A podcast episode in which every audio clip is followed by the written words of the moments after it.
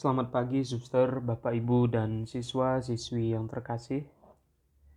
Marilah kita mempersiapkan hati dan pikiran kita untuk mendengarkan dan merenungkan sabda Tuhan.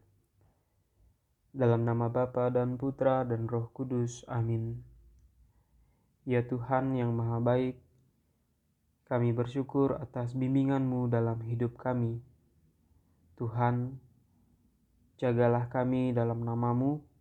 Semoga Engkau senantiasa melancarkan seluruh karya dan usaha kami pada hari ini. Demi Kristus Tuhan dan pengantara kami. Amin. Inilah Injil Yesus Kristus menurut Matius. Dimuliakanlah Tuhan.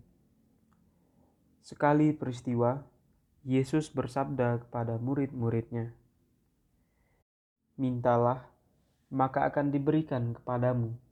Carilah, maka kamu akan mendapat. Ketoklah, maka pintu akan dibukakan bagimu. Karena setiap orang yang meminta, menerima, dan setiap orang yang mencari, mendapat, dan setiap orang yang mengetuk, baginya pintu dibukakan. Adakah seorang daripadamu yang memberi batu kepada anaknya jika ia meminta roti? Atau memberi ular jika ia meminta ikan? Jadi, jika kamu yang jahat tahu memberi pemberian yang baik kepada anak-anakmu, apalagi Bapamu yang di surga, ia akan memberikan yang baik kepada mereka yang meminta kepadanya.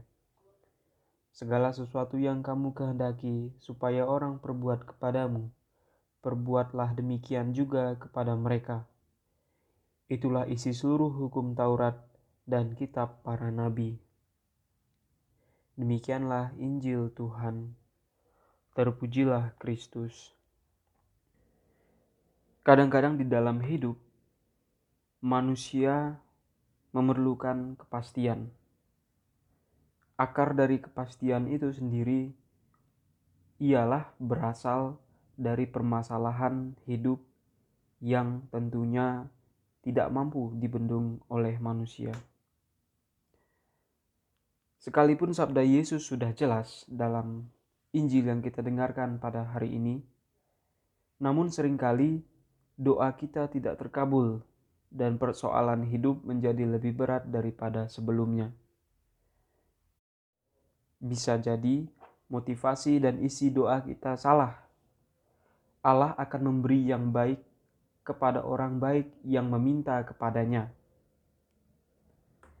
Suster, Bapak, Ibu, dan siswa-siswi yang terkasih, Allah sudah tahu kebutuhan hidup kita, maka penting untuk mengetahui kebutuhan, sebab sering kali keinginan berbeda dengan kebutuhan kita. Doa yang kita lambungkan kepada Tuhan menjadi relasi kita dengan Allah. Selain mengungkapkan keteguhan iman, kita sebaiknya memohon sesuatu yang bisa semakin mendekatkan diri kita kepada Tuhan. Kesediaan untuk menerima kehendaknya dan membantu kita berlaku baik dan benar kepada sesama. Itulah doa yang berkenan kepadanya. Pesan Injil hari ini sebenarnya Tuhan ingin mengajak kita untuk melihat atau membedakan isi doa yang baik.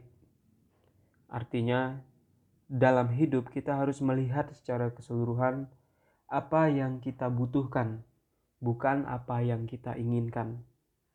Untuk itu, Tuhan sungguh-sungguh mengerti permasalahan hidup kita apa yang kita hadapi, dan bagaimana cara Tuhan mengatur hidup kita. Semuanya sudah Tuhan atur dalam hidupnya.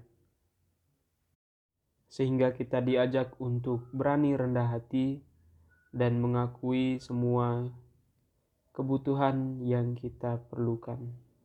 Ya Tuhan, ajarilah kami untuk senantiasa berani melihat lebih dalam apa yang kami butuhkan di dalam hidup ini. Jadikanlah kami pribadi yang rendah hati, yang mau menerima apa pun yang Kau berikan kepada kami. sebab Engkaulah Tuhan dan pengantara kami yang hidup dan berkuasa, kini dan sepanjang segala masa. Amin. Dalam nama Bapa dan Putra dan Roh Kudus. Amin.